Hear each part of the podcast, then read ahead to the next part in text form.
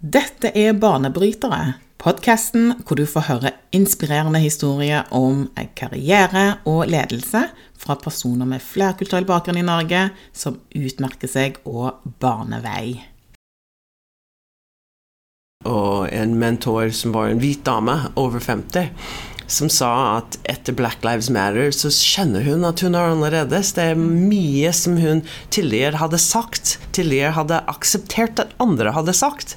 Uh, at hun ikke tåler lenger. Og nå har hun funnet sin stemme og har ikke problemer med å, å kalle ut folk.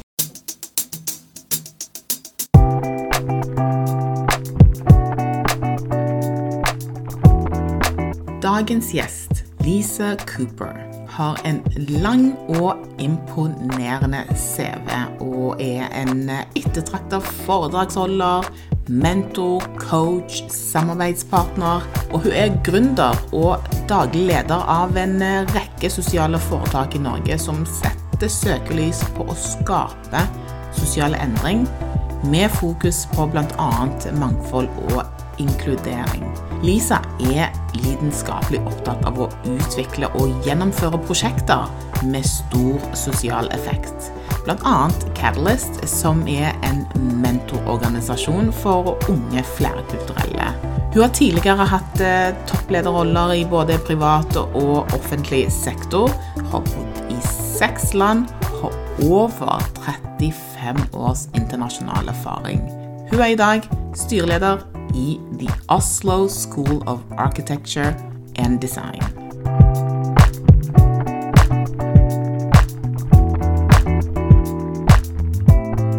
Velkommen, Lisa. Ja, tusen takk, Nadia. Hvordan har du det i dag? Ja, Supert. Solen skinner, det er fredag, eh, og det er alltid eh, litt å se frem til. Hva er det du har funnet på i dag? I dag, eh, fredager, er ganske spesielt og vernet i, i Catalyst. Eh, vi spiller eh, Skribbio fra ni til halv ti hver morgen. Det er en sånn online uh, Pictionary. Uh, og etterpå så snakker vi om hva vi skal gjøre til helgen. Det er en ting vi har lært i korona, at det er ganske fint å, å ha litt touchdowns både for faglig og for litt lek. Så jeg hadde Skribbio i dag, og flere andre møter, eh, nye muligheter, eh, og ser frem til eh, praten vår. Jeg har sett frem til denne praten. Jeg har jo fulgt litt med deg i media opp gjennom, så det er utrolig hyggelig å endelig få truffet deg mm. og bare pick your brain. Ja. Jeg har masse ting jeg eh, lurer på, og som jeg har lyst til å grille deg på. Kjør på. Kjør på. Lisa, du har jo en eh, lang karriere bak deg, og vi kunne sikkert ha brukt mm. veldig lang tid for å gå gjennom CV-en din og alt det du har, mm. har fått til.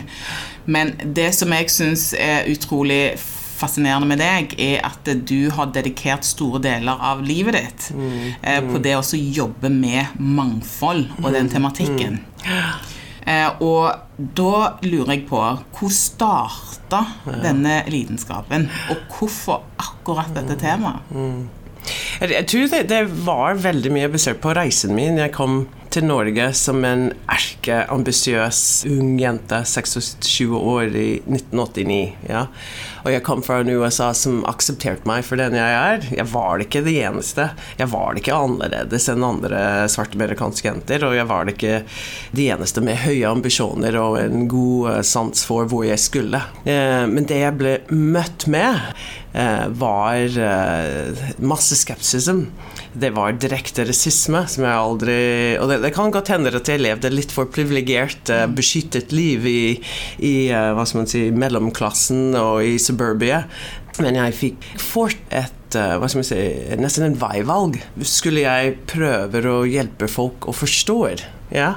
Og går i en litt mer sånn eh, hva skal man si, lærende stilling. Eller så skulle jeg ta alt personlig og være dritforbanna. Det var en par ganger jeg gikk opp og ned Karl Johan, og folk stirret på meg. Jeg ga dem fingeren pga. jeg ble bare Will you stop staring at me? Det gjør du ikke i New York! du kan bli skutt for det der. Eller folk som pekte på meg, eller ja, Go back to Africa og det der. Men jeg fant for et driv i meg for å forstå bedre. Ja? For å finne bedre måter å snakke om det. For å gjøre det litt lettere for folk å forstå at dette er en kjempefordel. Så, så jeg, jeg, tror jeg Det var en stor overraskelse da jeg hoppet ut av en ganske høy betalt stilling som divisjonsdirektør i en forsvarsvirksomhet uh, uh, og går til integrering og mangfoldsdirektoratet. Mm. Yeah. Jeg tror jeg glemmer aldri ansiktsuttrykket til, til toppsjefen. Du skal gjøre hva? For hvem? Ja, og, så, og hva betaler de da? Ja, og da gikk jeg ned 100 000 kroner. Eller tror jeg var nesten 150 000 kroner. Mm. Men det var en, den, den, driven som jeg hadde, og alle de spørsmålene. Og, og, og, i tillegg litt engasjement jeg hadde i en liten kvinneorganisasjon som heter Association of International Professional Business Women, som nå heter PWN. Eh, mm. På grunn av da begynte jeg å gjøre prosjekter. Ja? Som eh, skulle både forske på hvordan innvandrerkvinner hadde det i Norge, eh, som het Hidden Asset, som jeg har gjort med Laura Travik, som er nå på uh, Høgskolen i Kristiania.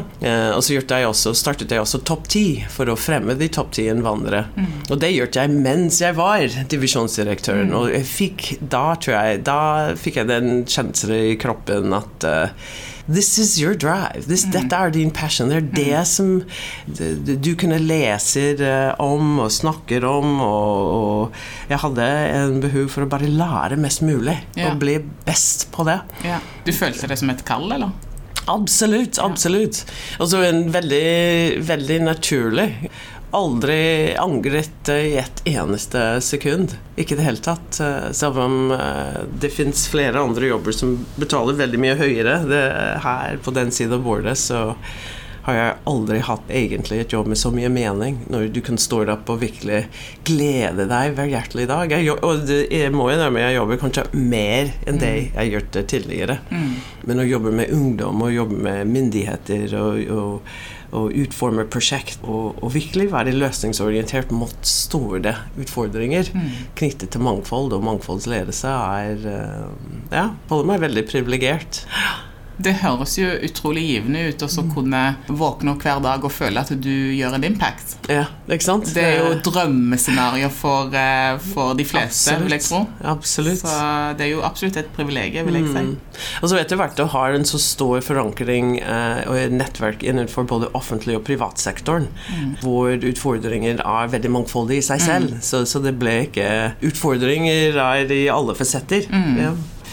Men du jobber jo med å rådgi selskaper eh, i å lykkes med eh, i forhold til mangfold. da. Mm, mm. Eh, hvordan er det du gjør det rent praktisk? Ja, ja. Nei, det ble, jeg ble veldig heldig. På grunn når jeg begynte med dette, så har jeg alltid hatt selskaper som kommer direkte til meg. Jeg har egentlig aldri gjort en stor strategi og prøver mm. å nå dem. De har funnet meg, så jeg føler litt, litt heldig, og, og litt, mm. kanskje det er på tide å gjøre noe med det. mm. sies det i styret mitt. Ja. Um, men det, det har uh, variert veldig. Tror I starten så var det veldig mye workshops uh, mm. Uh, når de kommer og vil ha fokus på mangfold. Ok, da kan vi trille sammen god opplæring på hvordan man definerer mangfold, hva mm. betyr mangfold, og, og, en stor fordypning i rekrutteringsprosessen har vært mm. liksom det van, van, vanligste. men etter eh, Black Lives Matter så har jeg sett en fantastisk utvikling hvor det er mer behov for organisasjonsutvikling. Og mm. da har jeg også snudd litt. Fra å gå fra å lage gode strategier med mål til å virkelig jobbe med organisasjonen. Hvordan, ja. organisasjonen, hvordan de snakker sammen. Ja. Eh, hvordan de har feedback loops. Hvordan de virkelig ivaretar sine ansatte på en helt annen måte. Så for eksempel for, uh, for disse baseline studies som vi har gjort, vi, har, uh, vi gjør en grundig analyse. Da, da tok vi opp alle policyene til det ene selskapet eh, for å se hvor kunne bias inntreffer, og hvordan, hva hadde vi som forslag for å snu den. Vi kjørte også fokusgruppeintervjuer med enkelte med ulike påstander for å virkelig grave eh, Prøver å finne eh, både grums og, ikke minst masse av det som virkelig virker bra. Mm. Ja. I tillegg alltid litt benchmarking til andre virksomheter.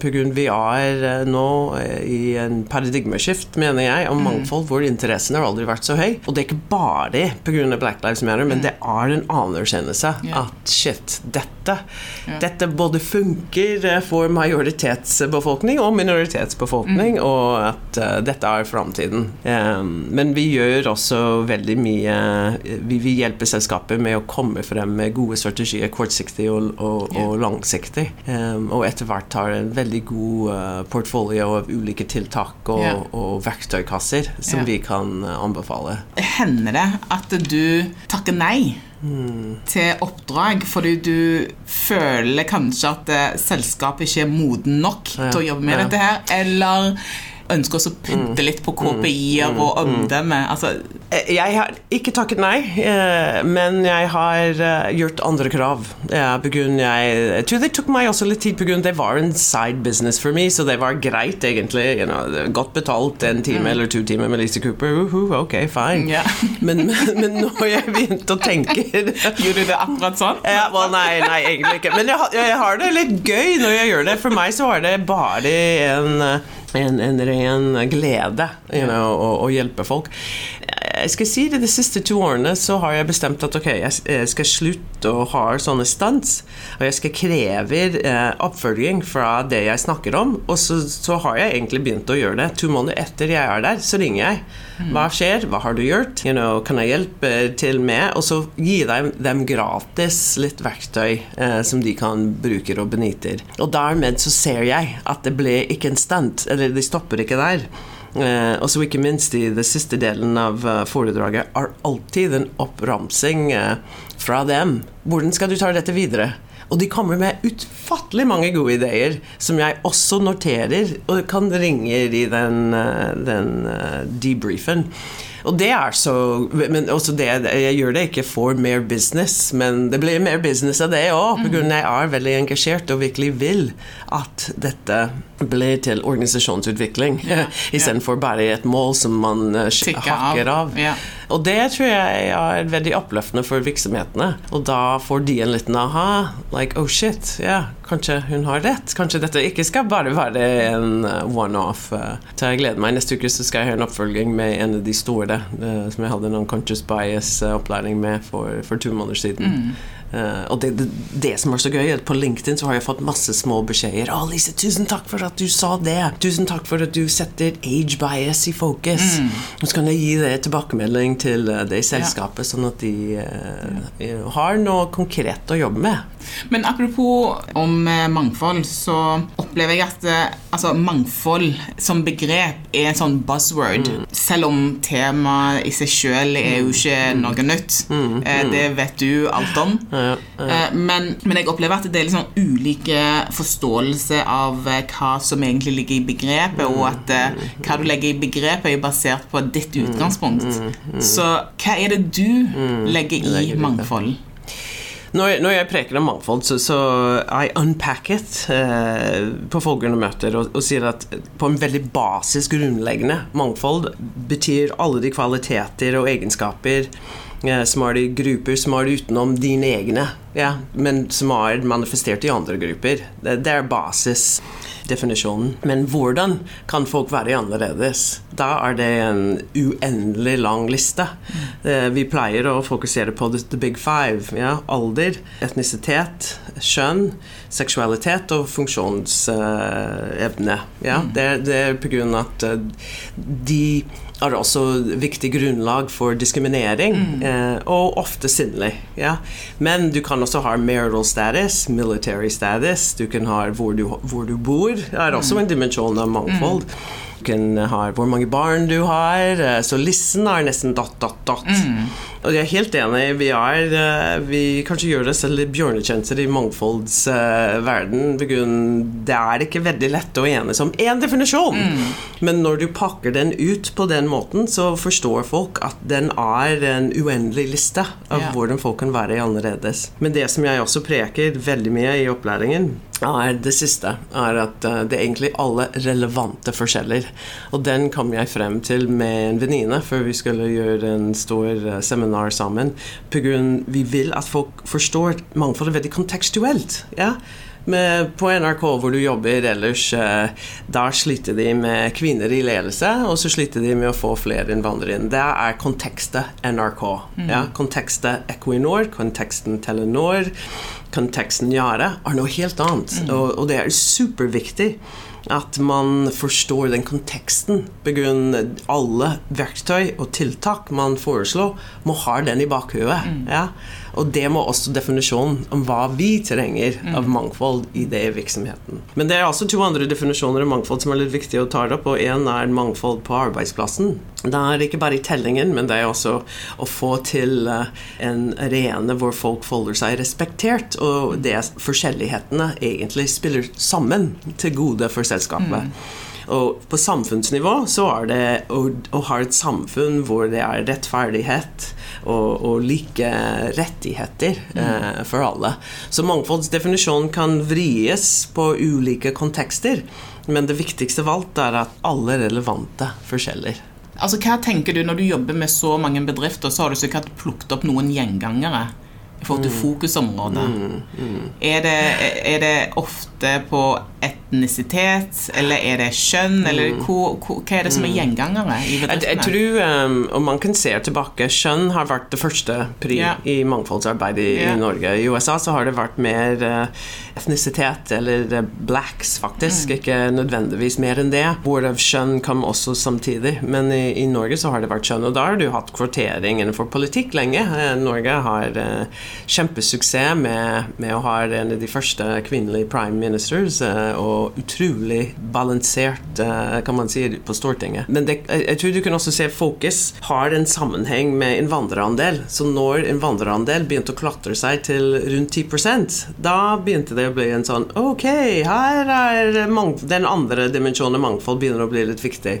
Her ser vi en gruppe som har kanskje ikke det samme outcomes når det gjelder uh, enten utdannelse eller uh, arbeid. Ja. Og så etter hvert så begynte gay pride å bli veldig uh, salient i samfunnet ellers. Og så begynte Ok, da er det kjønn, etnisitet og, og seksuell legning.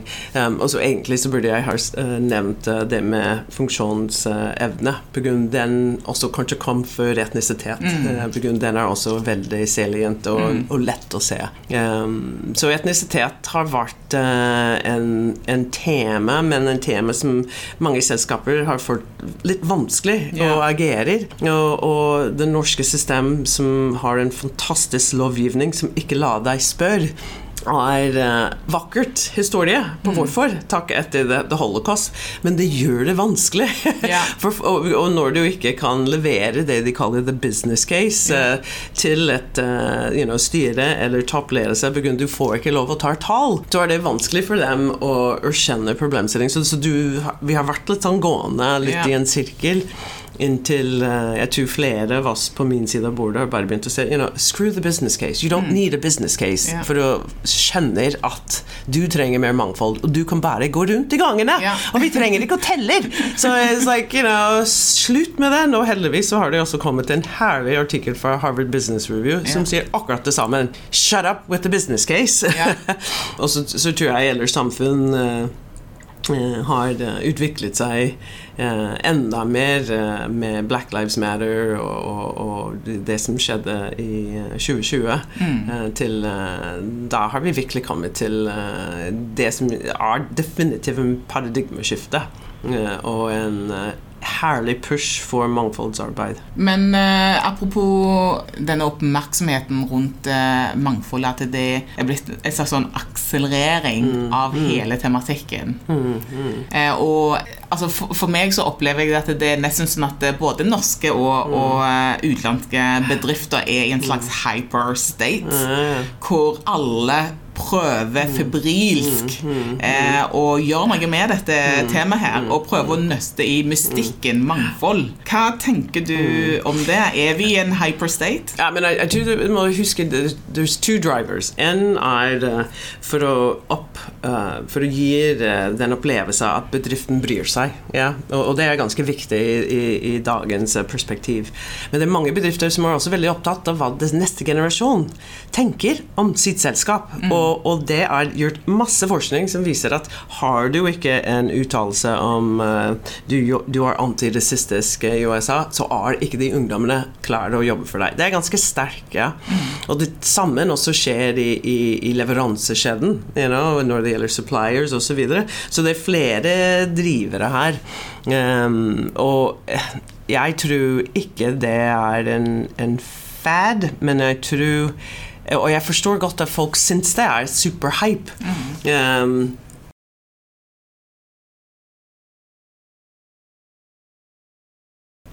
Ja, eh, superhype pga. Du, du kan se alt det fokus i media om rasisme. Og ikke, ikke, glem at det å snakke om rasisme er en vanskelig tema for de fleste. Så når folk ser rasisme og ser så mange artikler om har vi systemisk rasisme i Norge fra en utrolig høyt intellektuelt eh, nivå, så kan man begynne å si where are we going? Yeah? Mm. Og så er det dette med intersectionality som har kommet, som har utløst utrolig mange spennende debatter. Og så går du på LinkedIn, så ser ser du ufattelig mange webinars om inclusive leadership, unconscious bias, mangfoldsledelse fra folk du har aldri sett før i ditt liv. Mm. Ja. Yeah. og så er det mange nye aktører som leverer eh, både seriøse og useriøse eh, verktøy.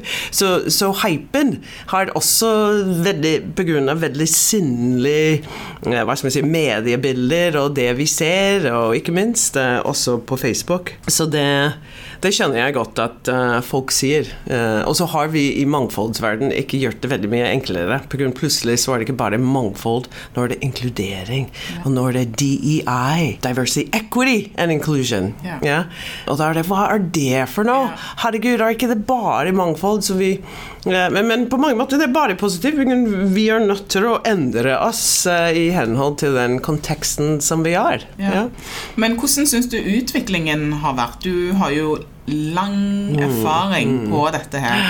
Fra du startet til det du ser i dag. Mm, mm. Kan du si noe om hvordan utviklingen har vært? Oh, det har vært uh, veld, veldig spennende og jeg er veldig takknemlig for de spørsmålene. På grunn av det virkelig satt en prosess i meg. På grunn av Jeg kan gå helt tilbake til 80-tallet, eh, egentlig, og, og, se liksom, Hvis du tar 80-tallet til 2000-tallet, så kan du også tenke litt på noen uh, anerkjent forsker uh, uh, som har studert litt sånn paradigmeskift i mangfoldstankegang. så kan du også se hvordan egentlig det fester seg i Norge som et land. Hvis vi ser 80-tallet til 2000, så kan du se var, da var det push for mot diskriminering og for rettferdighet. Det var ikke så veldig mye fokus på at du skal være annerledes. Det var lovgivning, det var senter mot etnisk diskriminering, likestillingsombudet. Det var eh, faktisk likestillingsloven, men vi hadde ikke diskrimineringsloven i den tiden. Det er helt utrolig. Vi hadde ikke diskrimineringsloven, i hvert fall eh, som jeg kan eh, huske. Og en vandrerandel var under 5 så det var liksom ståa.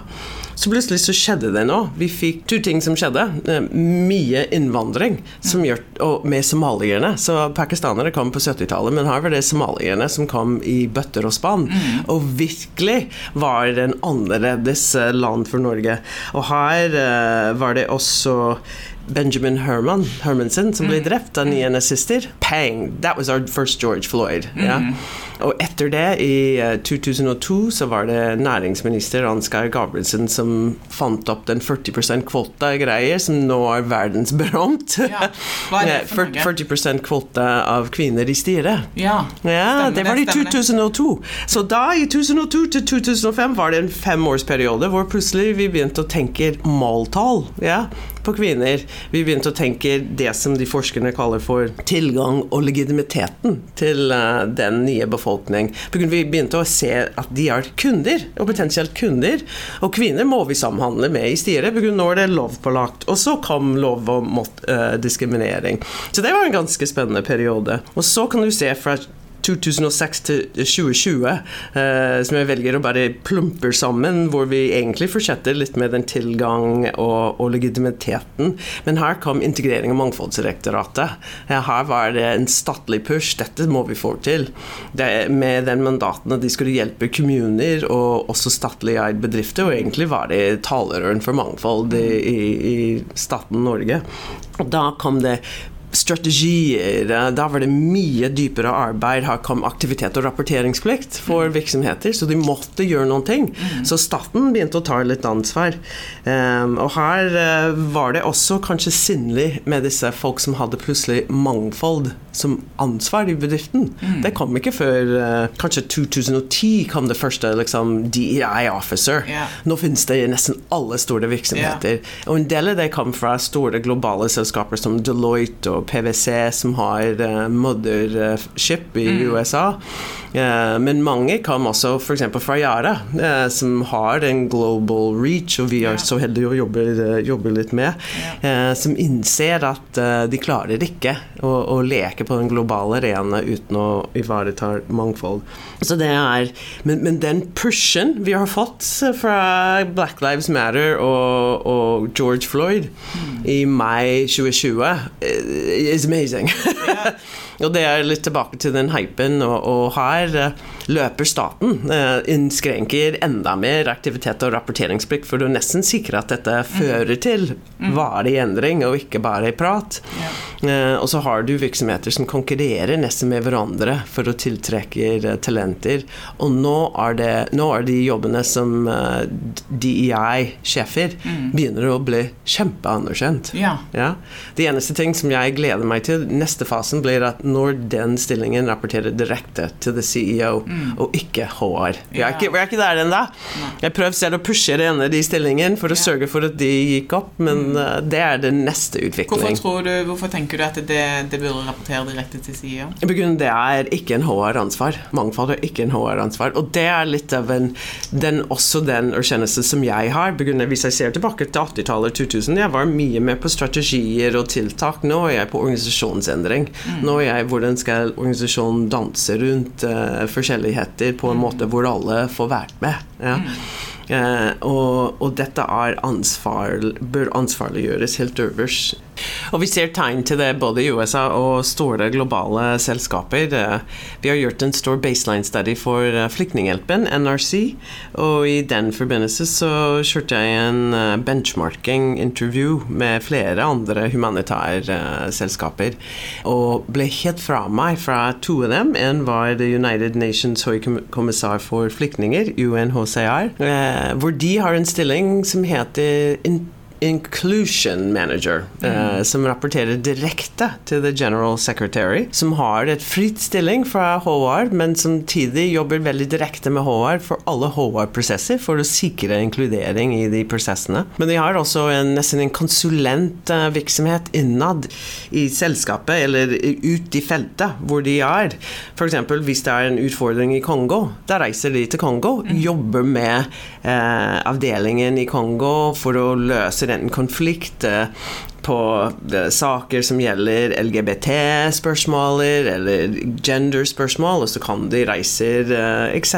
til andre selskaper. Så det gjør at det er organisasjonsendring, det er ansvarliggjøring, mm. og det er opp til the man on the top, whether mm. the woman on the top, yeah. I should have said, actually. Yeah. Det, er jo, det, er jo, det er jo, mm. Den som sitter på toppen, er jo den som er ansvarlig. Ikke sant? Absolutt. Og det som, det som ofte skjer når sånn type roller gjerne mm. eh, legges litt nedover i organisasjonen, så får man jo ikke den samme kraften. Absolutt, absolutt. Eh, og så får den kanskje ikke den mm. Eh, oppmerksomheten man trenger ja. for å kunne få gjennomslagskraft ja. få en del tiltak. Absolutt. Mm. Men det er ikke mange HR-avdelingen akkurat nå som vil slippe den ansvar. Uh, så det er en liten kamp, men jeg tror det er den utvikling, og det er den utvikling som gjør at vi skal få den neste paradigmeskiftet som disse forskerne snakker om, hvor vi går til læring og effektiviteten. Hvor vi Ja. bruker mangfold i kulturen, i ledelse og i innovasjon. Ja. Ja. Eh, Men det må rives fra en HR-ansvar, eller kanskje deler det den i første omgang. Kan rives fra en HR-ansvar yeah. Og gi den virkelig uh, trut på seilen. Was that the right uh, phrase? Trut på seilen? Nei, probably not. Men jeg prøver meg så fart med sånne norske uttak, og den tror jeg ikke gikk. Men ja. Men når du ser på Norge, og hvor Norge er nå, hva tenker du om Norge? Altså der hvor vi er nå, og så hva tenker du om hvor du tror at vi er på vei til å bevege oss henne? Jeg tror, eh, jeg tror vi er i en veldig positiv utvikling. Når jeg ser eh, så mange sånn DEI officers uh, you know, og godt kvalifisert, herlige folk som virkelig er like lidenskapelige som meg, som jobber uh, strukturelt uh, for å angripe eh, dette i selskapet. Når jeg ser uh, Yare, som har en fryktelig imponerende selskap med en veldig global reach, virkelig har um, putter um, mye penger bak en Black Talent Project for å virkelig stå opp mot rasisme. Eh, når jeg ser eh, alle de nye aktører som har litt spennende vri på, på mangfold og mangfoldsledelse, eh, med mye nye tiltak og masse nye ideer. Men også når jeg ser ungdom som blir eh, også veldig inspirert og veldig mye mer på banen eh, når det gjelder eh, mangfold, når vi har en handlingsplan mot hattefulle ytringer og holdninger eh, med an, x antall millioner bak, så er det alle grunner til å være optimistisk. Eh, men det, det er klart at vi har eh, krefter der ute i samfunnet som eh, vil stadig forsøke å dra oss tilbake. Mm. men- Som hva da? ja, de på høyresiden og det, det, det er altfor mange hatefulle ytringer der ute som gjør at ikke alle tør seg. Um, så, så vi kommer Det, det blir ikke problemfritt, men Nei. det å ha mangfold det har aldri egentlig betydd at det skulle være en lett reise. Men en reise er det definitivt. Og vi er på rett vei. Er du Ja, du er optimistisk. Ja, jeg er veldig optimistisk. Ja. Veldig. Jeg syns eh, det er egentlig litt utrolig hvordan uh, George Floyds uh, død har, uh, kan bety så mye til så mange. Jeg vil jo selvfølgelig si at det er jo bare positivt med at man har denne her hyperstate-tilstanden som vi er i nå, eh, hvor alle skal ha mangfold på agendaen. Så tenker jeg i mitt hode at det må jo bare være positivt. Men, men det kan jo òg være litt naivt av meg å tenke det. Men, men jeg, jeg, jeg ser det som et, en hype som en kjempe, Vi går i en kjempelærende prosess. Det er mange Du ser det som en hype grunn det, you know, det er mye diskurs og artikler og bøker og, og you know, alt fra Vi alle har resister til en ny utsagn 'melaninrik' som har kommet. Jeg er ikke enig med ingen av dem, men jeg syns det er dritkult at eh, vi får, alle får plass til sine. Meninger. Så, så se på den hypen som en eh, learning journey. Ja. På grunn på the bestseller list på The New York Times uh, lenge var uh, you know, How to be an anti-racist, uh, white privilege or white fragility. Og bare bøker om det å forstå. Og det betyr at vi som kollektive, globale samfunn har kastet oss ut i Yeah, let's learn. Ja. Eh, la oss lære av det beste. Og, og samtidig så var det skrevet fryktelig mange bøker og artikler som er counter til, eh, eh, til det som eh, er skrevet av eh, de som har egentlig jobbet med dette lenge. Men uh, let's just keep learning. Yeah, det, det er mye der. Er modningsprosess. Vi Ja, absolutt. Og det er herlig å se at bare, jeg, jeg tror egentlig det er uh, veldig spennende. Hva var det? Jeg hadde en foredrag torsdag med, med noen mentorer. Um, og det var veldig mye om mangfold og mangfoldsledelse. Og en mentor som var en hvit dame over 50 som sa at etter Black Lives Matter så kjenner hun at hun er annerledes. Det er mye som hun tidligere hadde sagt, tidligere hadde akseptert at andre hadde sagt. eh, at hun ikke tåler lenger. Og nå har hun funnet sin stemme og har ikke problemer med å, å ut folk. Can you imagine? I mean, det det er sånn musikk. eh, Det er nesten jeg får gåsehud bare jeg tenker at det er flere mennesker som er der. Den bevisstheten har økt. Og, og, og det beste er at den bevisstheten begynner også når jeg lærer folk Jeg vil ikke bare at de beviser, jeg vil at de kan create their own change. Ja? Men når den bevissthet har egentlig ført til action, ja? at de har endret atferd Then we're moving. Da kan vi begynne å, å tenke at samfunnet skal bevege seg i, i den riktige retning. Og så det går liksom person til person til person, og det er dessverre altfor mange av oss for å kunne gjøre det veldig fort. Eh, Og så må vi lære og feiler, og, og, og ikke ta det selv veldig høytidelig, og, og kalle folk inn, og ikke nødvendigvis ut. Ja. Gi folk litt, eh, litt eh, slack. ja. Litt handlingsrom. Ja, Ja. for at de skal prøve seg fram. Dette her er ikke, det er ikke noe fasitsvar. Nei, absolutt ikke. vi Ja. prøver å finne ut av dette her hele gjengen. Ja, ja, Sånn at ja. man må, man må ha respekt for at eh, det vil ta tid Absolutt. til å finne fotfeste. Ja, Så det er jo veldig, ja. bra budskap. sånn Mm, sett. Men du har jo hatt en eh, lang eh, karriere, og i løpet av en lang karriere så opplever man eh, litt av hvert. Mhm. Hvis du skulle ha trukket frem noen hindringer og utfordringer underveis, Mm, hva ville de vært? Jeg tror den, eh, den første er eh, kanskje viktigheten av språk. Eh, Da jeg fikk min første jobb i Alcatel, jeg var veldig heldig pga. jeg kunne ikke norsk i det hele tatt, så jeg lærte på jobben. Og jeg merket at når språket kom, så kom en eh, så, så følte jeg mer inkludert i arbeidsplassen, mer inkludert i alle de små tingene. You know, samtale ved gangen. Og da følte jeg at jeg virkelig hørte til. Ja. Men samtidig, eh, som du har hørt meg gjennom den podkasten, min norsk er ikke perfekt. Så det, jeg har ikke hatt fokus på å være verdensmester i, i, på norsk. Men så lenge jeg har forstått, og jeg har kommet til et nivå hvor jeg eh, er behagelig og kan delta you know, spontant, tror jeg har vært ekstremt viktig på grunn av å ha en karriere av så mye samhandling med andre mennesker mm. og forstår eh, språket. Så det er det første. Og så tror jeg jeg må si det også nesten viktigheten av å endre lederstil. Jeg er en babyboomer, ja, og, og jeg er, har vært vant til en lederstil som har vært kanskje mest preget av eh, I'm the boss, sånn skal vi gjøre det, følg etter meg, eh, og just do it Ja. Til eh, en kanskje tøff eh, møte med alle de millennials som jobbet for meg, som krevde medvirkning, som jeg var liksom Halleluja. Yeah. You know? og, og det- det er en vri på den skandinaviske mm, ledelsesmodell som krever medvirkning. Eh, men det var, det var litt vanskelig å, å forstå at jeg måtte endre meg. You know, at det var en endring i, um, i hvordan vi samhandlet som selskapet. uh, men så, så har jeg sett uh, gevinsten av den mer inkluderende, mer medvirkende. Uh, fortsatt noen ganger litt frustrert, det tar hjertelig lang tid. Men uh, resultatene er bedre. Uh, engasjement og, og at folk er med, uh, er så mye høyere. Eh, men det er en lærdom ja, Ja. å anbefale alle som er baby boomers, og reflekterer over eh, lederstilen. Men du føler at du får bedre resultater med å ha medvirkende leder-type stil? Absolutt, absolutt. Og så er det noen gang en lek eh, det er Det kan være litt mye av det gode. Og så må jeg si stopp. Ok, akkurat der Nei. Det, det er ikke opp til diskusjon. det skal være sånn. Sorry.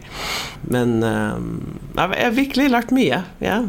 Og nesten alle prosesser eh, har kommet med ting som jeg ikke selv hadde trodd eh, både var mulig, og en så stor forbedring var mulig. Tror du er blitt en moderne leder? Moderne Vi er alle i utvikling, så jeg er litt mer moderne enn det jeg var før. Ja, så det Ja. Veldig bra. Hva vil du oppnå? Nå har du jobba med mangfold i alle år. Og det jeg lurer på, hva er, hva er ambisjonen din framover? Det, det som jeg er eh, besatt av Jeg har en eh, besettelse for å få mentoring eh, inn i skolene. Så vi har en kjempestort prosjekt, og nå jobber vi med designere og i en medvirkende prosess med alle stakeholders, faktisk. Eh, på grunn av jeg vil endre eh, hvordan skolen eh, lærer ungdom om sine valg og tar gode valg i et bestemt eh, klasse. Um, det er jeg besatt av. Jeg er også besatt av mer å endre strukturer. Ja? Systemendring. Eh, hvordan å få for du tar den skoleeksempelet, hvordan får skolesystemer å danse på en annen måte, sånn at alle tar bedre valg. Men ellers eh, så ah, ja, Faren min spurte meg skal du pensjonere deg, har du en mm. plan. Eh, som, som Søsteren min har pensjonert seg, og flere andre jeg kjenner. Og, og jeg nekter å tro at jeg gir meg pga. jeg har en sånn driv. Jeg kommer sikkert til å ha en prosjekt etter hvert her og der, eller hjelpe noen andre her og der, og, og har eh, flere styreverv pga. det er fryktelig, fryktelig gøy og, og, og, spennende. Men det skoleprosjektet er uh, for meg et uh, livsverk som jeg har jobbet ganske lenge og hardt med. Så hva blir Lisa Coopers legacy? Uh, for, en, uh, for en godt uh, spørsmål. Forhåpentligvis så, så, så ble det at uh, pga. hun fikk mentoringen i skolene, så har hun virkelig gjort en innhugg på dropout, på frafallsraten, som har virkelig gjort at flere innvandrere har fullført og, og er i ledende stillinger. Og på andre siden så Fy søren som hun har jobbet med alle de store selskaper for å hjelpe dem med gode strategier, hjelpe dem med å tiltrekke flere talenter og se hvor mangfoldig det, det nå enn er. Eh, og så var det mentoring. Ja, søren, se hvor mange som gjør mentoring, som bidrar med mentoring eh, i sitt nærmiljø. Og, og, eh, og, positiv psykologi og vårt styrkekort er overalt, og alle snakker og husker hva de er gode på, ikke bare hva de eh, ikke er gode på. Men så tror jeg eh, kanskje det, det, det, største er eh, den forståelse på mangfold. At uh, det er flere gode samtaler om Fy søren hvor flinke vi er pga. vi er litt annerledes alle sammen. Og at det er en hva skal man si en anerkjent, forstått uh, halleluja-stemning. det høres veldig bra ut. Det er en fin legacy. Særlig den halleluja-stemningen. Lisa, ja. tusen takk for praten. Ja, takk til deg.